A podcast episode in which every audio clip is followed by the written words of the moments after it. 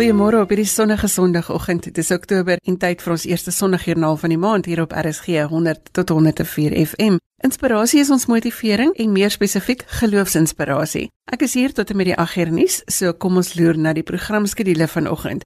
Oktober is die maand wat gekies is vir die bewusmaking en fokus op depressie. So ons gesels met die maatskaplike werker Anet Delaport oor hierdie onderwerp. Ons gesels ook met die veearts Jan Brandt van die Volhartsomgewing in die Noord-Kaap en Martin Deeken van Teach Every Nation vertel vir ons van hulle werk. Frank Rautenbach kom bietjie later by ons inloer om te gesels oor sy pad met geloof, veral in die tyd wat hy in Amerika gewerk het. Jy hoef niks mis te loop nie, want jy kan Sondagjoernale se potgoed gaan luister op RSG se webwerf Jy kan dit aanlyn luister of jy kan dit aflaai. Die webwerfadres is rsg.co.za. Ons gaste se detail is ook daar te kry. Ons is op DStv se audiokanaal 813 en op Facebook is ook al ons inligting onder Sondagjoernaal se blad. Met al die amptelike dinge afgehandel, kan ons hoor waar geloof 'n verskil maak. Kom luister lekker saam.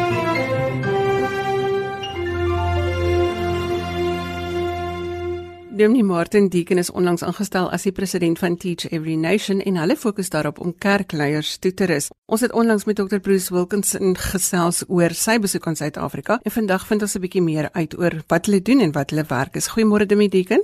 Goeiemôre. Dit is vir my so lekker om met jou praat hier in Afrikaans. Teach Every Nation, ek het die voorreg om die afgelope 5, 6 jaar met Dr Bruce Wilkinson te werk nadat ek 20 jaar met Walk to the Bible saam met hom ook gewerk het. Ja, dit is baie wonderlik om in Suid-Afrika te wees. Ek het die voorreg om 4 keer 'n jaar hiernatoe te kom. Ons lei predikante op by ons kampus hier in die Waterberge en dit is juis met so besoek dat Dr. Wilkinson ook hiernatoe gekom het en ons het landwyd 'n fantastiese tyd gehad om mense ons nuwe 'n manier en strategie van die Bybelskool op wiele. Hierdie boks wat alles wat jy nodig het om 'n Bybelskool te begin, het ons vir die kerk kom wys en dis al ons is so verheug dat daar oor 1000 kerke in Suider-Afrika is wat gaan begin met hierdie materiaal om in gemeentes Bybelskole te begin. Ek wou jou so vra, wat is die rol van Teach Every Nation in die aanspreek van Suid-Afrika se geestelike leiers se groeibehoeftes? Ja, daar is in Afrika en in Suid-Afrika is dieselfde. Is 90% van die predikante wat gemeentes lei, het nie formele opleiding nie. Weet in heel Amerika is daar maar 50000 mense in Bybelskole en kweekskole saam. En wêreldwyd te sê die misoloog daar's tussen 2 en 3 miljoen predikante wat nie opgelei is nie. So ons visie is is om materiaal beskikbaar te stel om predikante en hulle leierskorps en dan ook gemeentelede toe te rus en die Bybelskole na hulle toe te vat. En in Suider-Afrika is dit vir ons fantasties. Ons het nou al hier 25 jaar lank wat ons bedien met Bruce Wilkinson en ander leraars se materiaal. En ons weet dat video is 'n baie baie effektiewe manier. Mense luister graag en neem nood en net aan groepsdiskussies. En dis nie moontlik om 'n eksponensiële verskil te maak as 'n mens nie 'n medium het soos video om baie baie mense op te lei nie. Jy praat van 'n Bybelskool op wiele. Hoe werk julle in Suid-Afrika en hoe kan kerke en besighede, waarskynlik dan ook skole as jy praat van video en al hierdie dinge, hoe kan hulle hierby baat vind? Ons het twee strategieë. Die een is as mense hierdie Bybelskool on wheels kit kry, dan het dit alles wat jy nodig het vir die jaar. Daar's 10 werkboeke vir 10 studente, dis amper 400 bladsye boek. Daar's al die videomateriaal en dan's daar 3 ure opleiding vir die predikant hoe om hierdie Bybelskool te fasiliteer. Daar is ook kursusse wat direk van die internet afgelaai kan word en asook met die PDFs. Een van die kursusse wat ek die voorreg gehad het om aan te bied vir Teach Every Nation is Discover Yourself and Others. Ons het dit by ons kampus in die Waterberge gefilm en dit word nou in skole en tronke en oral gebruik. Lidmate, Bybelstudiegroepleiers kan dit sommer net aflaai van die internet af met die PDF en dan gebruik vir klein groepie materiaal. So dit is vir Bybelstudie, maar dan as ons fokus op hierdie leierskap, so ons primêre kursusse is om mense op te lei om met hulle kop, hulle hart en hulle hande anders te kan optree. En ons gaan elke jaar 10 kursusse uitbring en dan gaan 'n Bible School on Wheels 1 en dan ons is amper klaar om 2 reg te kry vir volgende jaar en dan sal ook 'n derde een wees. Ons gedagte ook was eintlik om Dr. Bruce Wilkinson te gebruik, maar om op Suid-Afrikaanse en ander wêreldwye kenners te gebruik op ons teaching span op ons fakulteit. En ons is baie bly om te sien dat Teach Every Nation 'n platform ook geskep vir predikante van Afrika om hulle mede-kollegas toe te rus. Martin, kan ek vra het geestelike reiers reg oor Afrika almal dieselfde behoeftes? Wat is die omstandighede? Die goeie ding is daar's verskillende kulture, maar mense se basiese behoeftes is oral dieselfde. Ons het nou leiers hier na ons kampus toe gebring van 10 lande nou die dag en die forgiveness kursus het hulle almal gedoen. Hulle is almal ewe aangeraak en lewensverandering het gebeur. Alle mense het basiese behoeftes. Hoe kommunikeer ek effektief? Leiers, hoe lei ek effektief? Hoe help ek my mense om te vergewe? Hoe help ek om relevant te wees met sake mense en met onderwysmense? Hoe maak ek my kinders groot? So ons vind dat alhoewel daar verskillende uh, kulture en plekke is, spreek die Bybel die basiese nood aan van mense. 2 Petrus 3 vers 16 en 17. Dit begin eers waar dit sê dat die Bybel is gegee sodat ons in Jesus Christus die ewige lewe kan hê, maar dan sê dit ook dat die Bybel is geïnspireer om ons toe te rus vir elke goeie werk. En ek dink vir die Bybelskool on Wheels kurrikulum so anders maak is ons het agtergekom dat predikante wil materiaal gehad het wat hulle nie net in die vier mure van die kerk kan gebruik nie, maar wat hulle kan uitvat na gemeenskap leiers toe. En ons het nou gesien in George en Kreersdorp en Nylstroom predikante wat 'n visie het uh, nie net vir hulle eie gemeente nie, maar om die hele gemeenskap hierdie materiaal toegang toe te gee. En daarom is ons materiaal gekies om mense op te lei vir die alledaagse lewensvrae en die alledaagse lewensvaardighede. Martin, wat beteken dit vir jou persoonlik om by hierdie werk betrokke te wees? Ek het nou al die voorreg gehad om 25 jaar lank, ek was by 'n campus crusade naweek toe ek 'n tiener was en iemand het vir my gesê van die groot opdrag, dit was Louis Malherbe en ek het as 'n 16-jarige het ek gesê ja vir die Here vir die groot opdrag om disippels te maak van alle nasies en wat 'n voorreg by Teach Every Nation wat jy's in die naam sê dat 'n mens kan vandag deur kommunikasie tegnologie deur om te gaan na lande toe kan 'n mens 'n verskil maak in ander lande en ons het 'n passie om ons materiaal in Frans, Mandaryns, al die wêreldtale te kry. So wil ons graag saamwerk met ander gemeentes, nie net dat hulle 'n uh, gemeente toegerus kan word met hierdie materiaal nie, maar as hulle uitreik na ander lande toe, veral die Franse lande, maak kontak met ons en kom ons gaan saam na hierdie lande toe en help om Bybelskole te begin. Ons visie is 10000 Bybelskole net in Afrika. Het julle 'n webwerf waar mense inligting kan kry? Dink jy het vroeër so 'n bietjie vinnig na 'n webwerf Ja, ek sal ek sal sommer die een noem wat nou maklik is om wees om te onthou. Dit is www.bibleschoolonwheels.org. ORG. Bibleschoolonwheels.org. Mense kan daar kyk om die Bible Schools on Wheels kit te kry met alles wat nodig is. Van ons kursusse is gratis op die internet wat afgelaai kan word met PDFs en dan kan hulle die twee groot kursusse wat uh, Suid-Afrikaners baie waardeer van Bruce Wilkinson is die Bible Survey. Jy weet as 'n mens 'n legkaart bou, is die eerste ding wat jy doen is om na die prentjie op die boks te kyk. En Dr. Bruce Wilkinson wys vir ons die Bybel se groot prentjie vanaf Genesis tot Openbaring in een ongelooflike kursus met die naam Bible Survey. En dan miskien die kursus wat nou in tronke en in berading en in kerke gebruik word, is die 70 times 7 oor vergifnis. Ons land, ons mense, ons families, ons het nodig om mekaar diep te vergewe. En die Bybel praat so baie daaroor en die Here Jesus het ons so baie inligting en motivering gegee hoe om te vergewe soos God wil. En hierdie kursus help baie daarmee. Dit is net vir my 'n voorreg om vanoggend met jou te kom praat hierso. Suid-Afrika is 'n wonderlike land. In my werk het ek die voorreg om na tientalle lande toe te gaan maar wat 'n voorreg om na Suid-Afrika baie te kom en ons mense te beleef van oor die hele kulturele spektrum en die honger wat tog hierdie land het vir die Here en sy dinge. Dit is net fantasties om te beleef. Martin baie dankie vir die saamgesels vanoggend. Dankie. Goeiemôre as jy sopas ingeskakel het. Jy luister na Sondagjoernaal. Ek is Liselde Brein en ons stories oor geloof neem jou tot en met die 8uur nuus vanoggend. As jy DStv het, kan jy na ons luister op kanaal 813 en jy kan ons ook kry op die internet by rsg.co.za.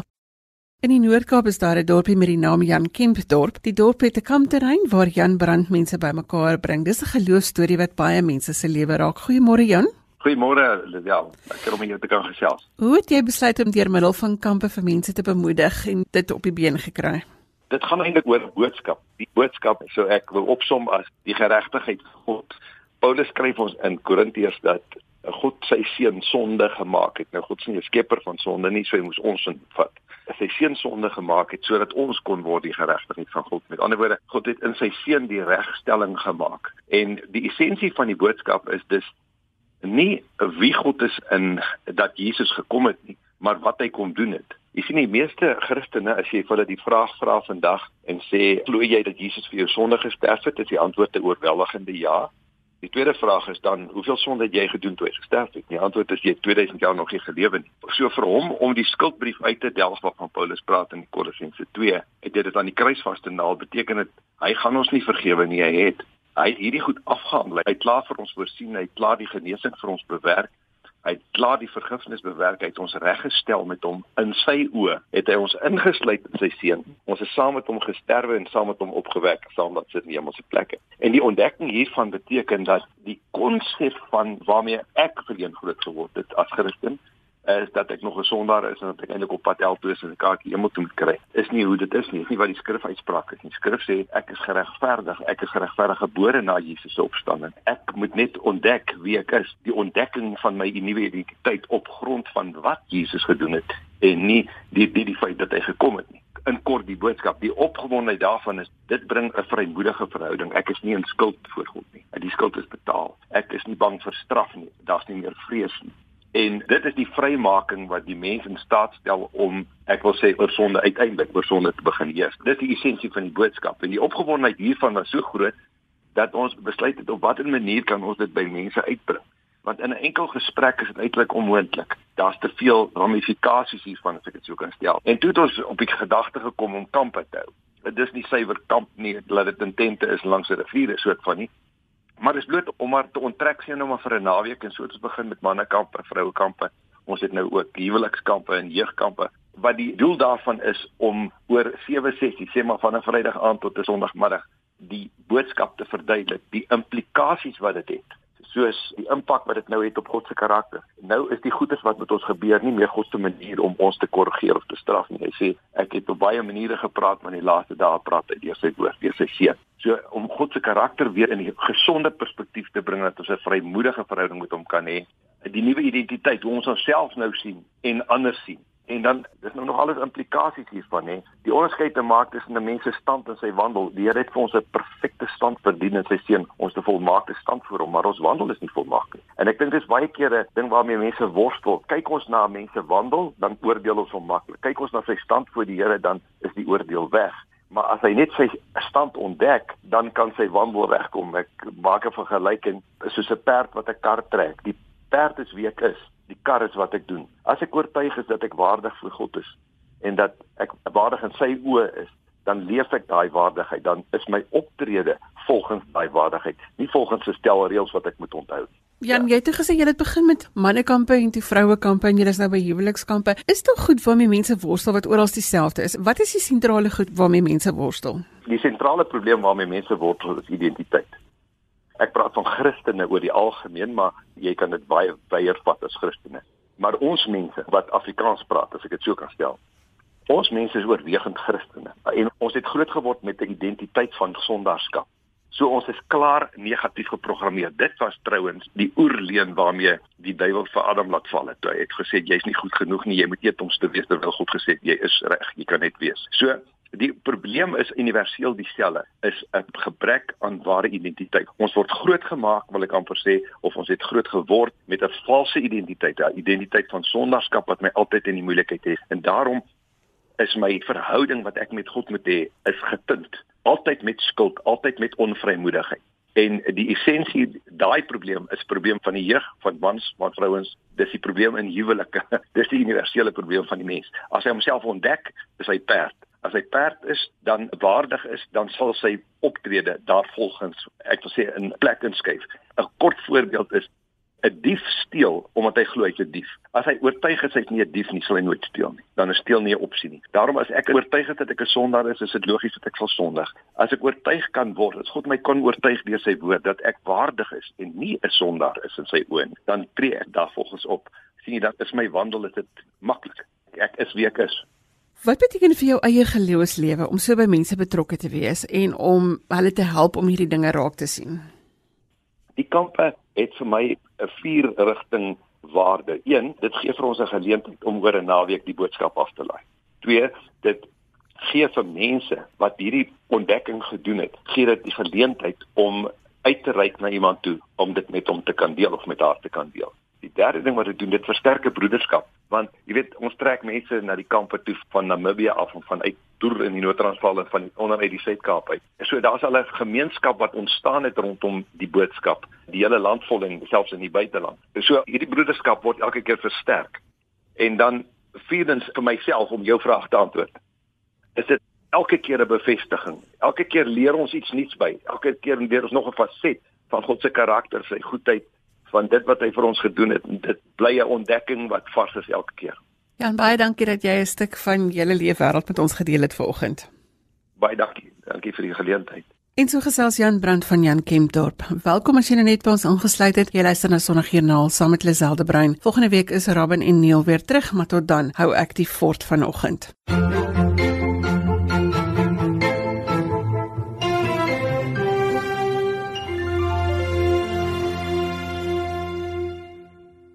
Frank Rautenbach is 'n bekende gesig op ons TV-skerms en vanoggend gesels ons oor sy reis met geloof en wat dit in sy lewe beteken, want ons leer mos altyd by mekaar. Goeiemôre Frank. Goeiemôre. Wanneer het jy in die openbaar oor geloof begin gesels? Was dit met Faith Like Potatoes? Nee, dit was 'n hele rukkie voor dit gewees. Die eerste keer wat ek reg nou in die publiek se oog was, ek sê was met Sewenland gewees. En ek onthou my heel eerste artikel was 'n huisgenoot voorblad. Dis toe ek daaroor begin praat het. Jy het in Suid-Afrika gewerk, maar toe is jy Amerika toe. Was dit nog altyd jou droom?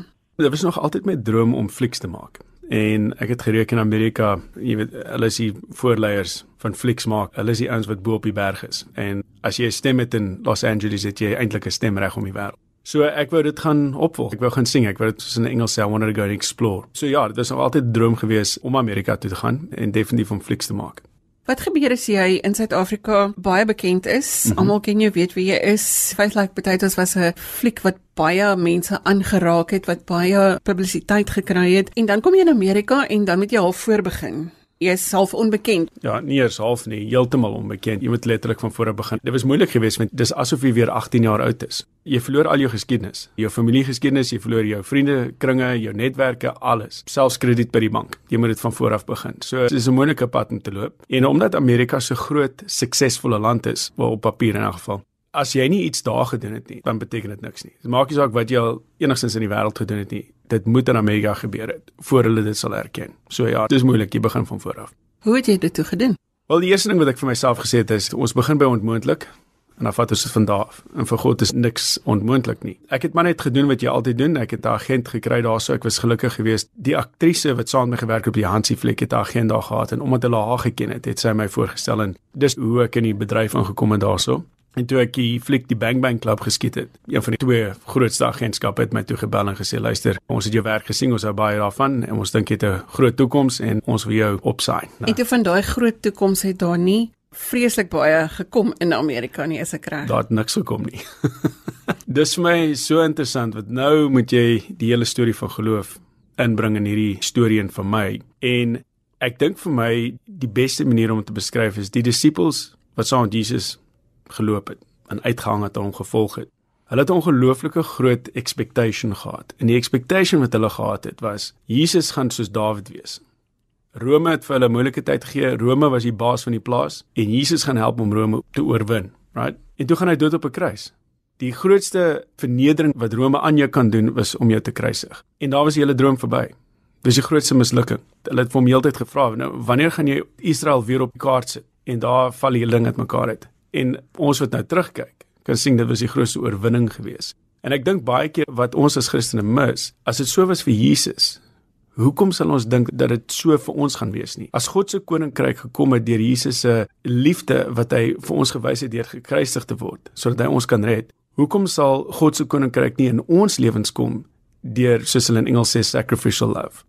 So wat het toe gebeur met jou geloof in daai tyd wat jy in Amerika was waar niks wil werk soos wat jy beplan het nie? Ja, soos, soos ek gedroom het, ja. Mm. Ek het wakker geword. Dit was November 2011. Ek sal nooit vergeet. Ek kan nie 'n spesifieke datum onthou nie, maar dis die laaste week van November 2011 gewees het ek eendag wakker geword en ek was heeltemal paniekbevange. Ek het 'n nagmerrie gehad en as gevolg daarvan het ek wakker geword. Ek het claustrophobia gehad, dis ek so ek weet hoe voel 'n panic attack en ek het 'n full blown panic attack gehad en jy weet ek het just pins and needles aan die kant van my kop gehad en ek het net besef daar's 'n worsteling in my en ek wou dit vir my. Toe probeer ek weer in die slaap raak, dit ek weer die nagmerrie, toe word ek weer wakker, toe is die panic attack weer terug. Ek dink na so 45 minute het ek besef, ek kan nie hierdie worsteling vir my nie. I've got to face it, soos hulle sê. Ek gaan toe na 'n ander kamer toe. Ek wou net my vrou wakker maak, dis 2:00 in die oggend gewees. En toe my knie die grond slaan, toe kyk ek vir God te sê, you've let me down you've ruined me. I followed you, I trusted you and look where my life is. En ek dink soos advokaat, ek vir die hele hof gesê, vir die hele universe gesê, ek het geen bewyse dat jy in my lewe is nie. Heeltemal vergeet dat ek nog asemhaal, maar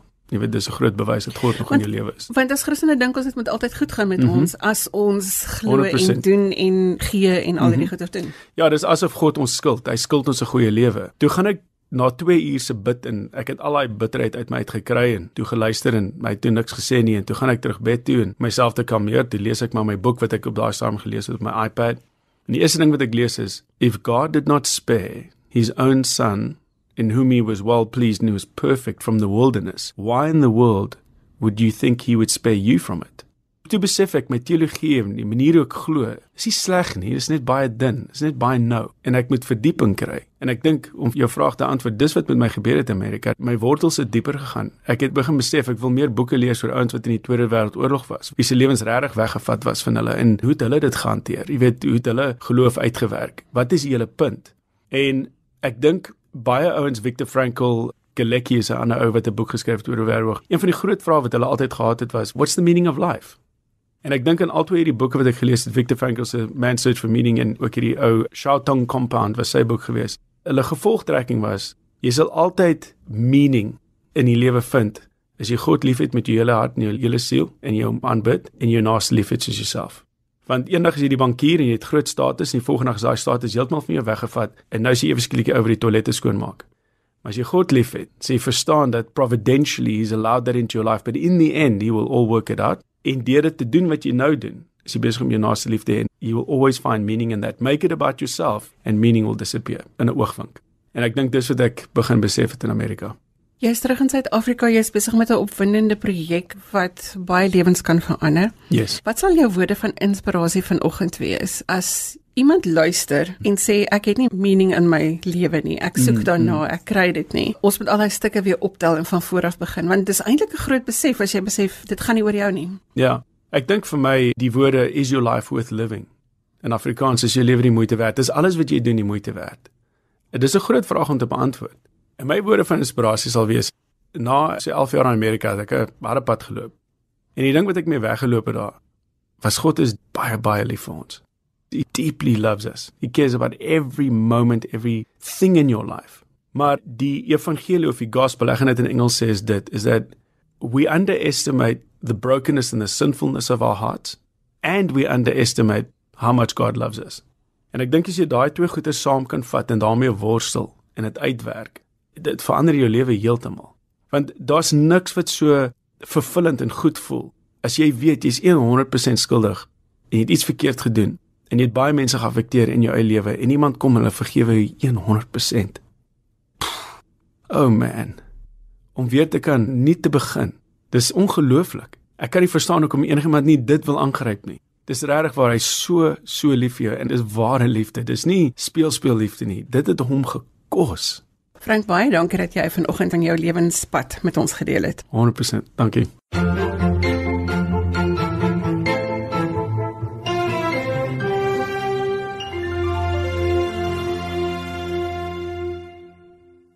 Ons het nog een kuiergas vir vandag en terwyl sy voor die mikrofoon inskuif, herinner ek jou aan RSG se webwerf by rsg.co.za en onthou ook die SMS nommer waar jy kan saamgesels by 45770 teen R1.50 per SMS.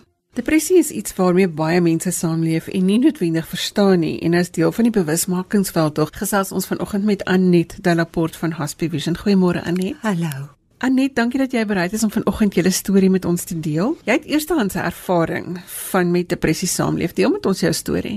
Ja, op 'n stadium was daar in ons huisgesin 3 generasies wat met depressie geleef het. Ouma, dogter en pa. My man nou al vir 33 jaar en my dogter vir 7 jaar en ek is passievol daaroor om mense toe te rus om die siekte te verstaan en hanteringsmeganismes te vind om die intense pyn daarvan te kan versag. Wat is die fisiese simptome van die siekte?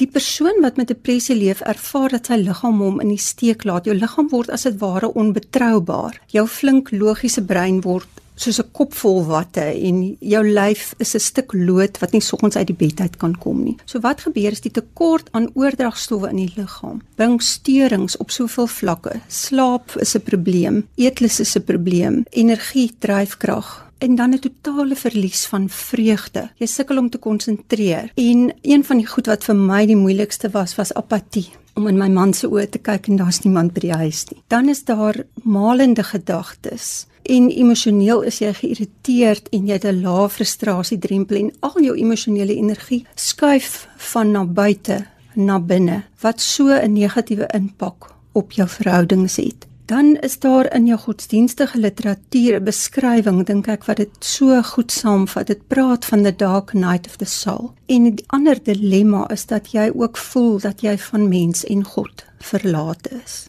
Sin verdwyn en selfmoordgedagtes word metgesel. Ek het baie simpatie met mense wat met mense saamleef wat depressie het, want dit is soos wat jy sê, jy moet eintlik die lewe hanteer vir albei van julle. Ja. Dit is nie asof hulle dit self kan doen nie. Jy moet konstant die positiewe inspreek en dit maak nie altyd 'n verskil nie. Wat gebeur met 'n mens se selfbeeld in hierdie proses?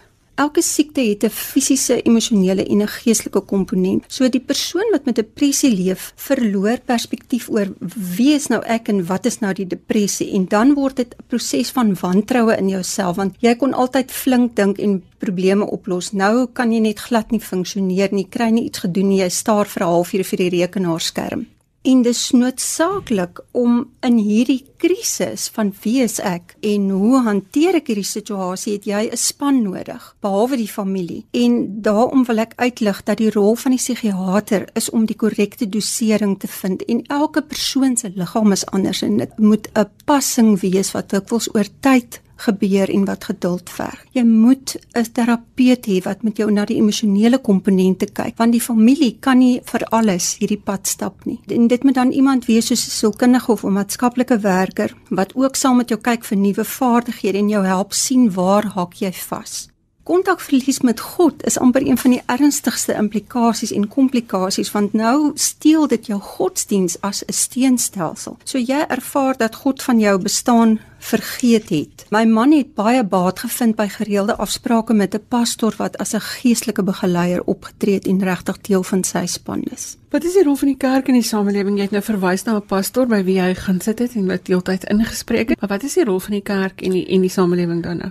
Die omvang van onkunde in die samelewing en die kerk is vir my skrikwekkend. Mense het meer deernis met iemand wat sy been gebreek het as met iemand wat depressief siek is. Daar's geweldig veroordeling. Mense glo steeds nie in 'n kopdokter nie en baie keer is die persoon met depressie skaam of verleë om dit vir sy familie te sê en hy mis uit op die ondersteuning. In Suid-Afrika sterf daar elke uur iemand aan selfdood. Dit is 744 mense 'n maand en daar's 20 onsuksesvolle pogings vir elke suksesvolle een. Die tyd is verby dat ons met veroordeling kan sê, maar die persoon is 'n Christen, wat is fout met hom dat hy nou vir stres en depressie gehospitaliseer word? En daaroor wil ek sê soos Jesus se kruiswoord: Vader, vergeef hulle want hulle weet vraaglis nie wat hulle sê nie.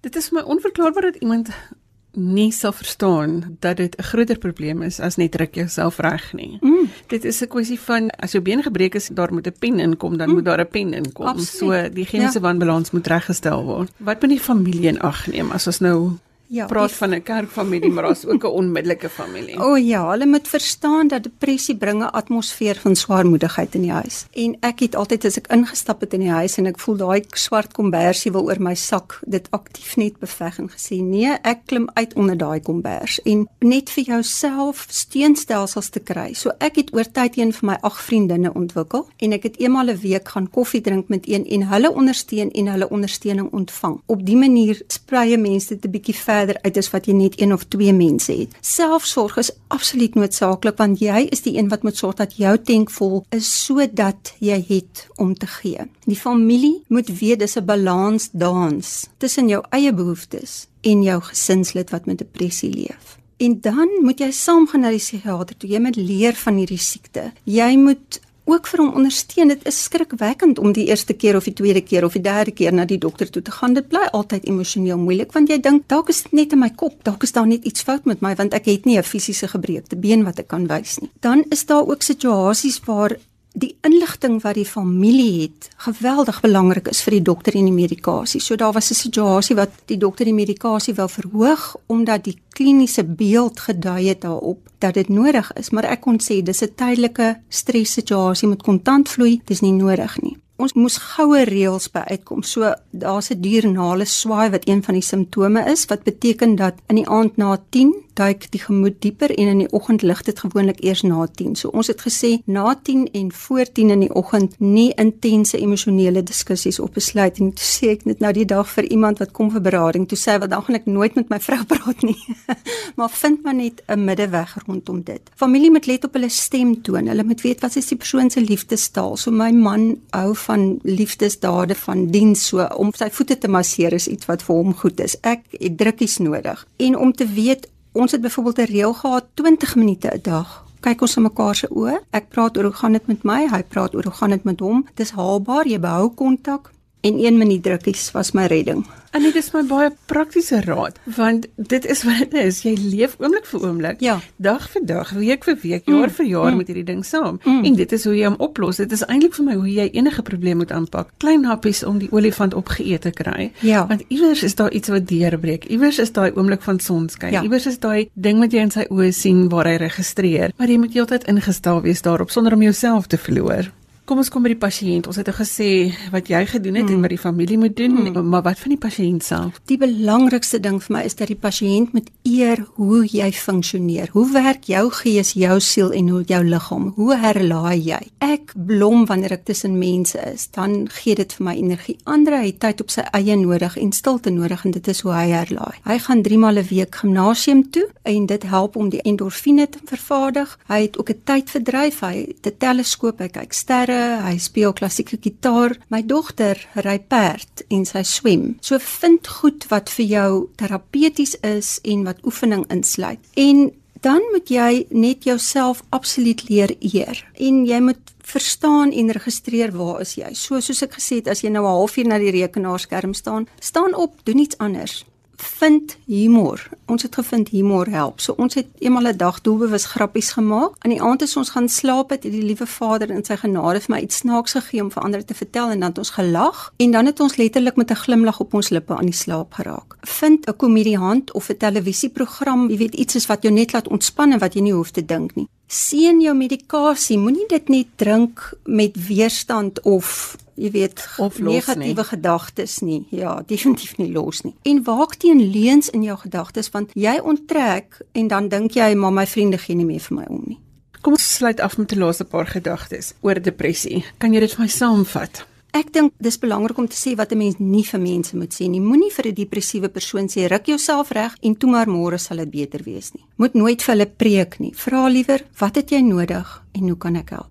En dan maak ek 'n appel op mense wat aan die program luister om te gaan kyk na jou eie leefstyl. En selfsorg is ononderhandelbaar vir 'n kwaliteit lewe. Depressie is nie 'n doodsvonnis nie, dis 'n behandelbare siekte. Moenie onnodig swaar kry nie. Elkeen van ons moet ook ons eie manier vind om met hierdie pyn te deel en ons eie sin daarin ontdek. En wat ons ervaar het is ons reis met depressie het vir ons soveel dieper medelee gegee met ander mense wat met 'n kroniese siekte leef. 'n Siekte kan jou lam lê, letterlik met depressie, of dit kan jou uitnooi na daaglikse oorwinnings. En Andrei, uit sy pyn uit is 'n kursus gebore wat mense leer hoe depressie lyk, hoe leef jy daarmee, hoe bestuur jy dit en die naam daarvan is om te glo in sonskyn, om te glo, om vas te hou aan dit wat jy nie kan Hoop. sien nie.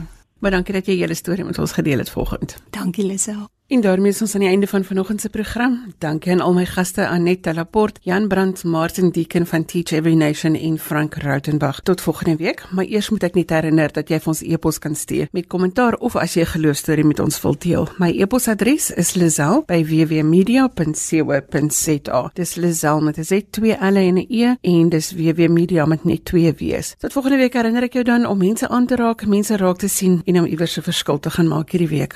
Totsiens.